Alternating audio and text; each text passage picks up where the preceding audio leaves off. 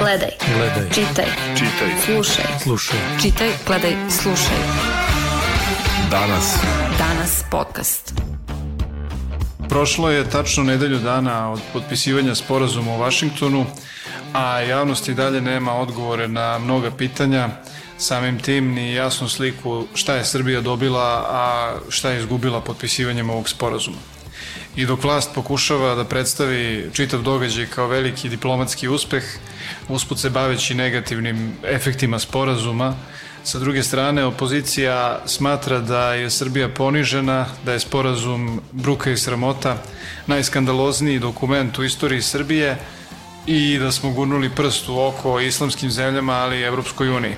Tekstovi koji se odnose na sporazum eh, bili su najčitaniji na sajtu danas a prethodne nedelje, Zbog ove teške teme potegli smo tešku artiljeriju, zato su ove nedelje u podcastu gosti urednica političke rubrike Dnevnog lista danas Jasmina Lukač, poznatija kao Spasa, i bivši glavni odgovorni urednik Danasa, sada kolumnista Danasa, Zoran Panović, poznatiji kao Panović. Slušaj. Danas podcast. Spaso, kako si ti doživjela sporazum u Vašingtonu, da li je on nužno loš za Srbiju dugoročno gledano? A moram da kažem da ga ja nisam doživjela uopšte kao loš sporazum. Ali kako si sam rekao, mi smo teška artiljerija, što znači da dugo radimo ovaj posao. A, tako da u odnosu na to kakvi su američki pritisci ranije bili na našu zemlju, ovaj sporazum uopšte nije tako loš. A, I kad je reč recimo o briselskom sporazumu, radila sam i tu noć kad je objavljen briselski sporazum 2013. A, imam utisak da su pritisci bili veći. U smislu nekog labavljanja pritiska na Srbiju zaista nisam doživala ovaj sporazum na taj način traumatično. Panoviću, šta ti misliš, jesmo bili svedoci nekakvog istorijskog trenutka, hoće li ovo biti neka tačka prekretnica u rešavanju tog kosovskog čvora, kako da ga nazovemo? Pa mislim da ne mora znači, ja kad znam, primjer za sebe, znam za krizu na Kosovu, znači mislim da je kriza na Kosovu generacijski problem pre svega, da to prolaze, da ljudima prolaze životi sa krizom na Kosovu i ne vidim da će se tek tako rešiti, čak i ako se neki dokument donese, to može biti kao što je Dayton nešto rešio u Bosni, ali nije rešio ništa definitivno, znači tako da to može biti za Kosovo, ali ono što je jako bitno to je da treba gledati malo stvari iznad ove tabloidizacije cele priče. Malo je Vučić upao u sam, svoju zamku, pošto je on tabloidizirao sve, tako da se i ovaj događaj daje se veći značaj, ne znam, hemijskim olovkama i stolicama, nego stvarno što je tamo bilo. Mislim da ja gledam ovo pre svega kao, iako ima naravno i korišćenja za predizborne svrhe Trumpa, za njegovu kampanju, ali ovo je pre svega veliki iskorak u saniranju anti-američko raspoloženje u Srbiji, koje je u jednom trenutku zaista pretilo da postane deo našeg novog identiteta, da bude apsolutno, da ova zemlja postane apsolutno cementirano antizapadna, antiamerička i to je veliki, veliki iskorak u tom pravcu. I mislim da se da je dobro što se obnavljaju stara savezništva sa, kao što je savezništvo sa Sjednjim američkim državama i tu Amerikanci daju znatan doprinos, daću samo primer kampanje koje radi njihova ambasada za poznate ličnosti koje su vezane na srpsko-američku tradiciju, na primer Mihajlo Pupin ili Mira Trailović, tako da je to po meni najbitnije. Mislim da ćemo sada kada bude proslava o pranjanima misije Halijard, da će se vidjeti da će ovaj sporazum dobiti još na čvrstini to savezništvo.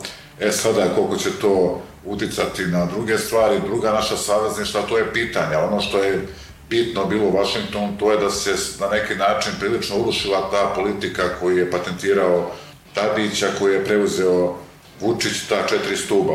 Mislim da su tri stuba prilično klimava bila u Vašingtonu sem SAD-a i Tadić je pokazao isto vidu nervozu kada je shvatio da to propada, a takođe propada i politika koju je Vučić preuzeo od Koštunice, neutralnost, razumete. To je, bila ta neutralnost je bila više eufemizam za prorusku poziciju. A na čudan način, ja baš o tom pišem sada, je se možda Vučić uradio nešto nenameno, reaktualizovao je politiku Milana Panića, znači biznis, mir i cirkus. A kako ste doživjeli, mislim čitav taj, neću reći cirkus, ali nismo znali za tačku 10, pa posle se ispostavilo da je Grenal to demantovao, pa ne znam, čitavo to pranje, mislim, pa i evo Suzana Vasiljević koja je izašla i rekla da nemamo, da uopšte nije, nije u pitanju ovaj, presiljenje te ambasade u Jerusalimu, to kao nije, nije uopšte tačka, nije na papiru. Pa nerealno bi bilo očekivati da politika nije reality. Politika se promenila, vi sad nemate te neke, ne znam, klasične, dostojanstvene sporazume kao što i nemate neke klasične građane iz 20. ili 19. veka. Ljudi vole da sami nešto kažu, vole da se našale, vole da to dovedu u pitanje. Taj događaj i jeste u tom reality duhu, ali to ne znači da on nema ozbiljnu političku težinu. Vrlo ozbiljnu. Jel imate utisak da je Vučićev tim apsolutno znao i vladao situacijom, znao šta radi i šta je potpisivao u Vašingtonu? Pa pazite, Vučić ima jednu tehnologiju, a to je da spoljnom politikom kompenzuje unutrašnju politiku i mnoge deficite u unutrašnjoj politici. Zaista ovde postoje ozbiljni deficiti u procesu, pre svega demokratskom, mislim da se zaista nazadovalo, tako da Vučić koji voli tu spektakularizaciju spoljne politike, njom dosta kompenzuje unutrašnje, zaista mislim da je Srbija na neki način dobila pažnju koja je jednostavno neproporcionalna njenoj realnoj snazi i značaju, a to je da se svaki dan gledamo samo Trump, Putin, Angela Merkel, to je jedan nivo politike koji zaista je neproporcionalan i Srbiji i značaju i samog Vučića, ali on to na neki način uspeva, zaista je sada ono što je interesantno, ne treba zaboraviti da je Kosovo toliki problem, da svaka zemlja koja da ima Kosovo i Rusija i Kina, to je bila velika muka. To je problem koji zaista nadilazi Srbiju i jednostavno optuživati bilo koju vlast u Srbiji da nešto ne može da reši na Kosovu nije lako. Mislim, neke su, to je malo nekorektno neke vlasti su dramatično pogoršale stvari, na primjer Miloševića politika je bila katastrofalna prema Kosovu, ali jednostavno ne vidim, jer ovde svi u Srbiji dolaze, samo je Milošević došao na, na, na temi Kosova na vlast i na neki način je otišao zbog Kosova. Ostali dolaze zbog drugih motiva na vlast. Ne znam, da, da nas približe Evropskoj uniji, da montiraju neki lopovski sistem, ali na kraju se svi suoče sa Kosovom. To je jednostavno Tako je ova opozicija, ne treba se mnogo raditi da dođe na, dođe na vlast, pa im učeka taj vruć krompir, mislim. E sada, bilo bi najbolje ko što je DOS spasio Vučića od Haške, od, od Haga, u smislu da Vučić nije morao da isporučuje Mladića, Karadžića, Šivančana, zamisli kako bi on kukala da je to mora da radi, razumijem. Tako je bilo lepo za ovu opoziciju kad bih Vučić spasio Kosovo, pa on to završio, pa da oni posle vraćaju otetu državu građanima ne mora da zbroje Kosovo, ali to ćemo da će baš biti, biti baš tako, mislim. U tom smislu, Spaso, kako gledaš onda na kritike opozicije da smo gurnuli prst islamskim zemljama u oko, da smo se svrstali sada na neku drugu stranu, da ćemo naneti štetu Srbiji u tom smislu? Opozicija pocenjuje Vučića, a Vučića je bolje preceniti nego poceniti. Svakako možda da ima nešto od tog zameranja nekim delovima islamskog sveta, ali se tu zaboravlja da su to i najspornije tački u vezi Izraela i u vezi Kosova, da je to deo šireg paketa da je tu prethodio jedan drugi veći dogovor u Beloj kući gde su Ujedinjeni Arabski Emirati se obavezali da će oni uspostaviti pune diplomatske odnose sa Izraelom i da je to takođe velika promena odnosa snaga neka na Bliskom istoku. Da li će to i koliko ovaj, pogoršati odnose sa muslimanskim zemljama ne može tako pojednostavljeno da se kaže, a da se ne o stvari podlegne tome da se javnost zastrašuje umesto da se urazumljuje. Ako opozicija teži tome da bude razumna, neka alternativa Vučiću, onda ona bi morala mnogo više argumenta da ima za takve tvrdnje. Da, mislim da je to samo, izvinim, da se nadovežem, to je taj, kod opozicije postoji ta zaista problem, to je kao kad je kada je izbio da požar u Beru na vodi na, na, na jednom spratu jedne zgrade, oni su jednom doživjeli to kao Boži znak, da je to sada najava ne znam čega. To je sujeverje, to nije politička ozbiljna djelatnost, tako su bi najviše ovo da se sluši on brdo u Gdelici, ponovo je neko poginuo. Tako sad, kao da priželjkuju da, da neka islamska organizacija teroristička digne nekog vazduha ovde pa da, da, da kažu su bili pravi. Mislim, to ne treba tako na taj način raditi, jer jednostavno to je širi paket, kao što kaže koleginica, i tu mi, mi jesmo zaista uvučeni u američku propagandu, njihovu politiku, to je neosporno, jer pazite, ali pazite, u ovom sporazu ima svega, ima Hezbolaha, ima Jerusalima, ima 5G mreže, ima LGBT prava, ali šta nema, kolega? Nema braće Bitići, kolega. Znaš, braća Bitići je jedna mračna epizoda iz novije srpske istorije, ali, ali je i bio oprobalno sredstvo pritiska Amerike, Amerike na Srbiju. E sada, to je isto jedan indikativan indikativna stvar. I mislim da je ova ambasada u Americi mnogo radi za, za to reafirmaciju tih srpsko-američkih odnosa. Ja se sjećam da je ranije bivši ambasador William Montgomery da je on rekao jedini, jedini saveznik, najbolji saveznik Srbije međunarodni smo mi u Beladu, moja ambasada i ja. Ali on je malo bio možda i ajde da kažemo, da ne da je vodio autonomnu neku politiku, ali sada je to ipak jedna ipak naklonjenija neka vrsta, naravno, bez, bez iluzija će, da će Amerika povući priznanje Kosova, to, ali odavde je profitirao, kolateralno profitirao je mnogo Mile Dodik, razumete, koji je ovaj sada sporazum i ovaj Jerusalim, to famozno premešanje ambasade uzeo kao kao instrument da, da nervira Komšića Džaferovića i da testira njihov amerikanizam. I drugo profitirala je crnogorska opozicija, mislim sad je krivo Kapićovi su relaksirani nego Kosova, tako da to mogu da konstatuju da se neće baviti temom Kosova, odnosno tim famoznim povlačanjem priznanje, odnosno da, da Crna Gora, kao što kaže Matija Bečković, treba bude obala slonova četo da povuče priznanje. Pomenuo si braću Bitići, zašto misliš da je to izostalo iz uh, sporazuma? Pa sad ja ne znam da li je bilo neke, da li je na tom polju bile diplomatija tajna, ali meni je to iz iskustva, ovo je bio neki indikator da se vrši pritisak na Srbiju, tako da možda je to bilo da se iz ovog formata to na neki način ne, ne, ne, ne, ne naglašava javno, možda da kažemo neka vrsta relaksiranijeg stava prema Srbiji. Iako ta tema je su jako bitna i jako mračna, mračna epizoda. Predlažem da čujemo komentare čitalaca na najčitaniji tekst prošle nedelje. Reč je o konstataciji profesora Filozofskog fakulteta Ognjena Radonjića da će Kosovo biti nezavisno za godinu dana. Danas. Podcast. Nadam se da će ti poverovati patrijarh Irinej, sin od Srpske pravoslavne crkve i predsednik Sanu Kostić. Oni su ubeđeni da Vučić i SNS štite Kosovo i Metohiju. Kosovo je svakako izgubljeno. Amerima je bilo važno da Kosovo prizna Izrael i da Srbija prebaci ambasadu u Jerusalim, a što se tiče ekonomskog sporazuma i dolaska velikih investicijonih banaka, ima da opelješe Srbe i Albance i čitav zapadni Balkan puštanjem trojanskog konja u srce Srbije. Ovo je gleda da li je zapeta ispred ili iza. Pa ko još o tome vodi računa? Ako ponovo izgubimo izgubljeno Kosovo, ali i zaboravljenu Metohiju Radonjiću zbog zapete, da nam i bude. E, moj Radonjiću, dok ti juriš komarce, pored nas proleću slonovi. Upamti šta si napisao danas u danasu, pa se čujemo za godinu dana da vidimo kako se provela ta zapeta. Zapeta je važna stvar. Ima ona stara poznato zbog koje čovek streljan zbog zapete. Streljati. Ne pustiti. Ili streljati. Ne. Pustiti. Pa ti vidi šta znači zapeta. Mislim da smo dobro izigrani i a Vučić je bio na popravnom ispitu i opet pao. Kako god okrenemo, za jednu godinu Kosovo i Metohija je priznato, a mi smo izgoreli zajedno sa našim svetinjama tamo. Opšte je poznato da je Kosovo nezavisno od 2008. godine.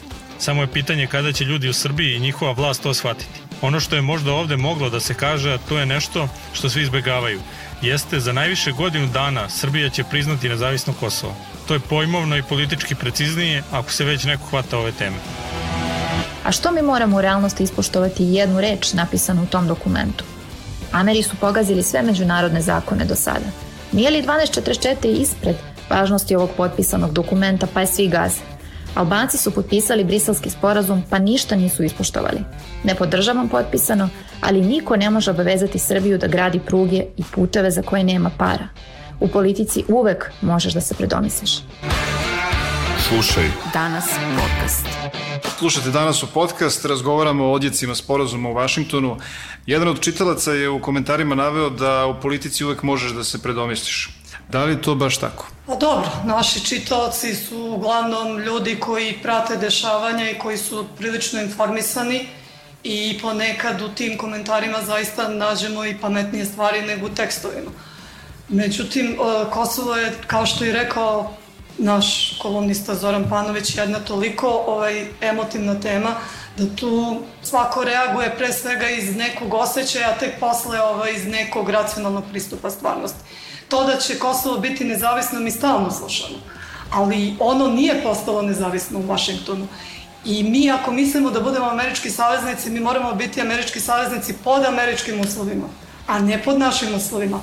A e, sklanjanje priznanja Kosova iz tih uslova je zaista veliki preokret. Tako da ja bi uvek pre, suprotno profesora Radonića pomislila da tek sad neće za godinu dana biti nezavisno. Zašto? Zato što e, mi, ako prihvatimo sve te tačke na neki bilo kakav način, I ako ih ispunimo, zavisići od toga ko će to u Americi sprovoditi, odnosno u ovom trenutku ja mislim da sve zavisi od Trumpove pobede. E, upravo sam to hteo da kažem, mnogi u komentarima se osvrću na to, bit će buj pike ne važi ako Biden pohvalno zasme, bude u sledećoj administraciji. Kako, kako gledate na to? Je li to utemeljeno uopšte? Pa prvo komentare čitalaca treba ove shvatiti samo kroz jednu optiku, za i protiv Vučića, mislim. Sve što Vučić uradi biće za opoziciju ne loše i očajno i obrnuto, mislim. I ono što povezuje zajednička emocija to je mržnja i gađanje, obostrano, mislim, i tu, e, to zamagljuje neke realne probleme, realne stvari u društvu, razumete. I mislim da ovde postoji jedan, pre svega, to, pre nego što odgovorim to pitanje, jedan konsenzus vlasti i opozicije prečutni. Vučić kaže u sebi, ja ću da vladam dakle god mogu, a vi kad budete mogli me skinite. A opozicija kaže ti vlade da god možeš, a mi kad budemo mogli nećemo da skinemo. E, to je, I tu postoji konsensus u društvu, ali ne postoji konsensus oko Kosova, oko Evropske unije, oko bitnih stvari ne postoji konsensus. I taj da li će pobediti Biden, mislim da je u Srbiji antiamerikanizam se svodi na anti-Clintonovski stav. I tu mislim na Clintona, na njegovu suprugu i na celu tu administraciju, garnituru. Da pogledajte, administracija jeste bombardovala Srbiju, ali administracija Đorđa Busha mlađeg je priznala Kosovo nezavisno. Ali vi u Srbiji kad pomenete Kolena Powella, Kondolizu vi nemate nikakvu negativnu emociju. A kad pomenete Madeleine Albright, mislim, Bidena, to je već s time što je Madeleine Albright totalno omražena, a Biden se motao posle sarađivao, mislim, imao je kontakte sa liderima i DOS-a i, i opozicije, znamo kako je bilo sa Vukom Jeremićem, sa Svetina Mali štan, praviš probleme. Tako da je Biden, ajde da kažemo, nije, nije toliko, ali je isto deo te ekipe. Tako da se zaboravlja da je, zahvaljujući Clintonu, postoji Republika Srpska, iako je bombardovana. Znači, oni, oni su zaustavili hrvatske i muslimanske trupe pred Banja Lukom. Znači, jednostavno, tako da, da li će pobediti, to ja ne znam, ali bit će sigurno, ako pobedio Biden, sigurno ćemo tu noć imati u Prištini veselje sa uvezanim američkim albanskim zastavama, Ako pobedi Trump i samo dođe u Srbiju, prvi put američki predsjednik posle Cartera koji je došao ne na Titovu strašno, tamo bila majka ne, sledeće godine, mislim da će Srbi samo izaći ono, u špalirima da ga pozdrave. Iako neće povući priznanje Kosova, ali, ali će se neka vrsta bolje emocije će se osjećati. Ono što je bitno, mislim, takođe što čujem iz nekih malo izvora, to je da, da nisu Rusi toliko iznervirani. Njima je bitno njima da pobedi Trump i tako da a u stvari Vučić je davno rekao da neće biti 48. u Srbiji i sada je to mislim da neće biti u punom u punom kapacitetu. U tom smislu kako gledate na ovu packu, na aluziju, na niske strasti i provokaciju Zaharove, provokaciju po znacima navoda? Ispod te provokacije ispostavila se jedna, kako bih rekla, povezanost ruske i srpske politike na nivou osnovnih instikata ili kako oni Rusi prevode naziv tog filma Niske strasti i, i te kultnerovske scene koju je ovaj, Marija Zaharova postavila na društvene mreže upoređujući je sa sedenjem Vučića pred Trumpom ali ja sam sklonija onom drugom tumačenju da je u stvari ona time htela da pokaže da će Srbi, a time se misli Rusi, uvek biti ti koji će na kraju pobediti. Ja više gledam u tom kontekstu nego u nekom uvredljivom, ali a, a, da je sve to Vučiću dobro došlo, da prosto pokaže da je u stanju da a, dobije poštovanje od Rusije. On, ako primetite, ovaj, često kad a, a, ispravlja, da tako kažem, a, neko neko kretanje javnog mnjenja, jer ja mislim da je naša reč za spinovanje najbolja neko, neko za vrtanje javnog mnjenja u nekom pravcu nepoželjnom po njega. Znači, kad braća u taj kontrolisani tok, on često baš upotrebljava tu reč ukazati poštovanje. Tako da je ona o, tu objavu stvari iskoristio da pokaže da Rusi nisu ljuti, baš upravo ono što Panović kaže. Ja se to, sa tom njegovom procenom slažem, apsolutno. Da, mislim da to sam ja čuo od ljudi koji su upućeni da nisu ljuti, a ono što je za niske strasti, odnosno za basic instinct bitno, to je ta sad čudna povezanost stabilizacija. Dugo je bila priča da se Michael Douglas partner Sharon Stone, u tom filmu lečio seksualne zavisnosti posle. To je tabloidna, to je bio spin, on se uopšte nije lečio toga, mislim. Ali u tom filmu ima nešto što je deo žanra, e, to je bitno za američki sporazum, bitnije od te scene, a to je jer Sharon Stone zahteva u tom filmu ono što se zove suspenzija neverice, razumiješ Mislim da je ta suspenzija neverice najbitnija za političke delove ovog sporazuma. Tu kad zaista vidimo i te Hezbolake i Jerusalime i su tu jednu taj amalgams na jednom mestu, zaista treba jedna vrsta suspenzije neverice da bi se to na neki način savladalo i kanalisalo i sublimiralo neku realno shvatanje politike.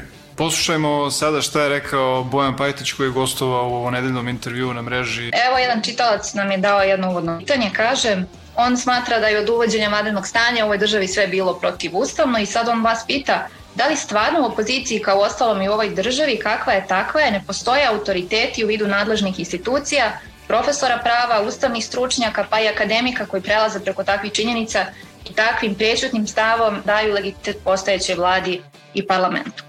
I on kaže o ovlašćenjima predsednika da ne govorim i što ne izveštava javnost i parlament o pregovorima koje vodi sa najvišim svetskim liderima. Njega zanima vaše mišljenje.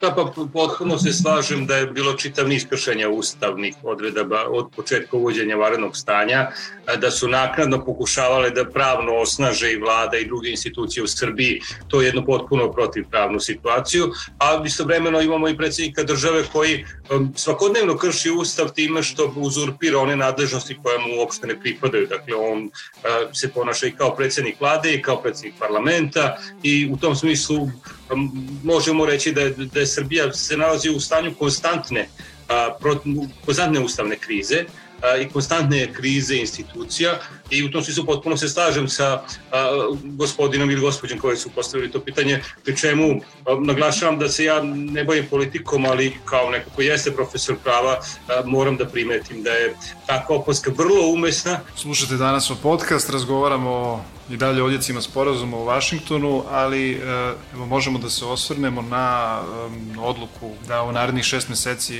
uh, se prekinu sve vojne vežbe i vojne aktivnosti sa svim partnerima. Promena politike možda bude dramatična, ali inercija je čudo da daje spašave stvari. Mislim, sama činjenica da se Srbija nešto mnogo petlja sa Belorusijom u vojnom smislu je po meni pa malo iracionalna, mislim. A s druge strane, tako, mislim, ipak i racionalni deo ovog režima, racionalni deo, ne mislim iracionalni, ipak u dilemi Evropska unija ili Belorusija je ipak dovoljno jasan, ali opet kažem, u ovom režimu postoji čitav niz politika koje su uključene u taj catch-all, ali su kontradiktorne, mislim, od julovskih do LDP-ovskih, znači, od, ne znam, od Gorana Karana, ili kako se sad mešam pevača ovog hrvatskog i ovog analitičara domaćeg, ne znam, uglavnom ima od analitičara koji su totalno dakle, pro-ruski do nekih NVO organizacija koji su totalno pro-zapadni, tako da to nije lako da se uvek uskladi. To je jedna vrsta konfuzije koja zaista pravi nekada potrebu da se ovako naglo uradi, ali ta neutralnost, ja sam da ponovim, je bila ipak eufemizam za prorusku poziciju. Mislim, neutralnost, glumatati Titovu neutralnost, to je zaista teško i i malte nemoguće postići u ovakvoj konstelaciji i evropskoj i svetskoj način na snagu, realnu snagu, realnu snagu Srbije. Ali mislim da bi da je dobro da jednostavno uh, jel, pazite, Srbija može lako da se nađe, da li to Vučić želi ili ne želi. Imate vi zemlje koje su formalno članice Evropske unije i bitne članice, ali su na neki, na neki način bliže SAD-u. Poljska, Poljska Kačinskog, ona je NATO jaka baza, je američki NATO top saveznik, ali nije neki primer za Brisel kako treba da izgleda zemlja Evropske unije. Ono što je meni, na što bih ja skrenuo pažnju, to je da ako se približavamo Sjednim američkim državama, a nemamo istovremeno demokratizaciju zemlje, to je onda opasno, jer takvi modeli lako mogu da zaliče na savezništvo latinoameričkog tipa, a nekih arapskih zemalja ili azijskih a to ne bi trebala bude Srbija, jedan američki ovde saveznik koji se zasniva na jednoj autoritarnoj vlasti koja nema unutrašnju neke demokratsku strukturu. Ja se toga plašim. Mislim, na taj način biti saveznik Amerike i Trumpa ne bi bilo baš dobro. I tu možemo pravimo razne neprijatelje i Pomenuo si demokratizaciju, malo pre se isto pričaju u Crnoj Gori. Kako ste doživjeli ove nedavno održane izbore i triumf opozicije? Jer imate utisak da je Crna Gora u tom nekom smislu možda za nekoliko svetlosnih godina ispred nas? Ja ne mogu da mislim u tim kategorijama ko je ispred, ko je iza nas. I čak mislim da su i ove kategorije šta je demokratija u, u veku ove digitalne tehnologije vrlo upitne. Otko znam, možda ćemo u neko dogledno vreme, možda ćemo ja i Panović doživeti da ćemo direktno glasati bez parlamenta na aplikaciji na telefonu. Da li nam se sviđa šta je predsednik uradio ili nam se ne sviđa. I možda će od toga zavisiti ko će biti predsednik.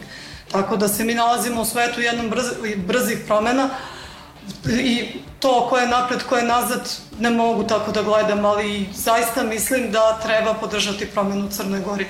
Bez sumnje, mislim da i ta odluka o obostavi vojnih aktivnosti je višeznačna, do nekle se tiči situacije u Crnoj Gori.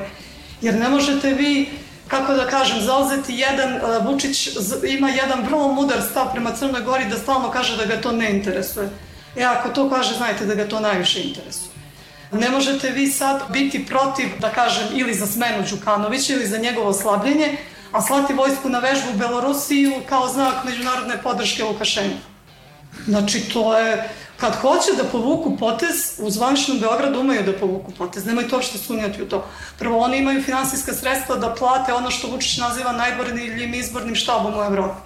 E, a sad što se same Crne Gore tiče, tu zaista treba dati šansu da se vlast smeni, jer biti zavistan od jednog čoveka na vlasti 30 godina nikako ne može da bude dobro. Nikako. Pa to je, pa mislim da to, da se glavna marketinška fora ove vlasti, što se ona zasniva, Vučićeva se vlast zasniva medijski na čitavom nizu uzajamno funkcionalnih paradoksa, koje njegov birač ne primećuje To je, znači, kad Vučić kaže Đila se doveo velikog brata i uveo reality kulturu, to je tačno.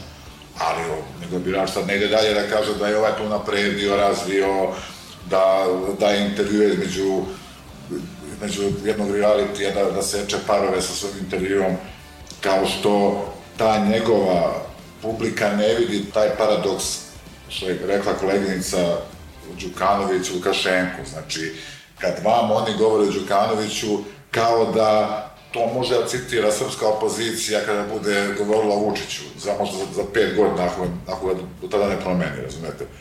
Ili ono, sve što se govori Đukanović, ne govori se za Lukašenka. To, to, je, to je veliki paradoks, ali takvi paradoks je čitav niz.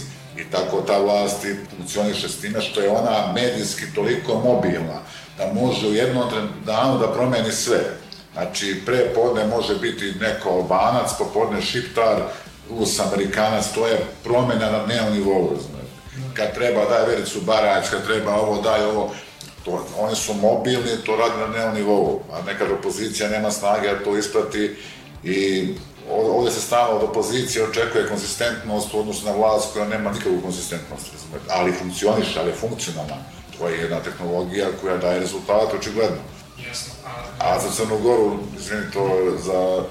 Ja moram za Crnu Goru da kažem jedan utisak, a to je povezao ih izbore u Hrvatskoj, Crnoj Gori pa i Makedoniji, mi na njih gledamo kao neke u socijalizmu na Coca-Cola limenkama, razumete? Mi to nemamo, mi zaista nemamo izbore u Srbiji i ovo je normalno, razumete? Ne sad neka bude toliki standard, nego da da učestvuju bar svi pitni akteri.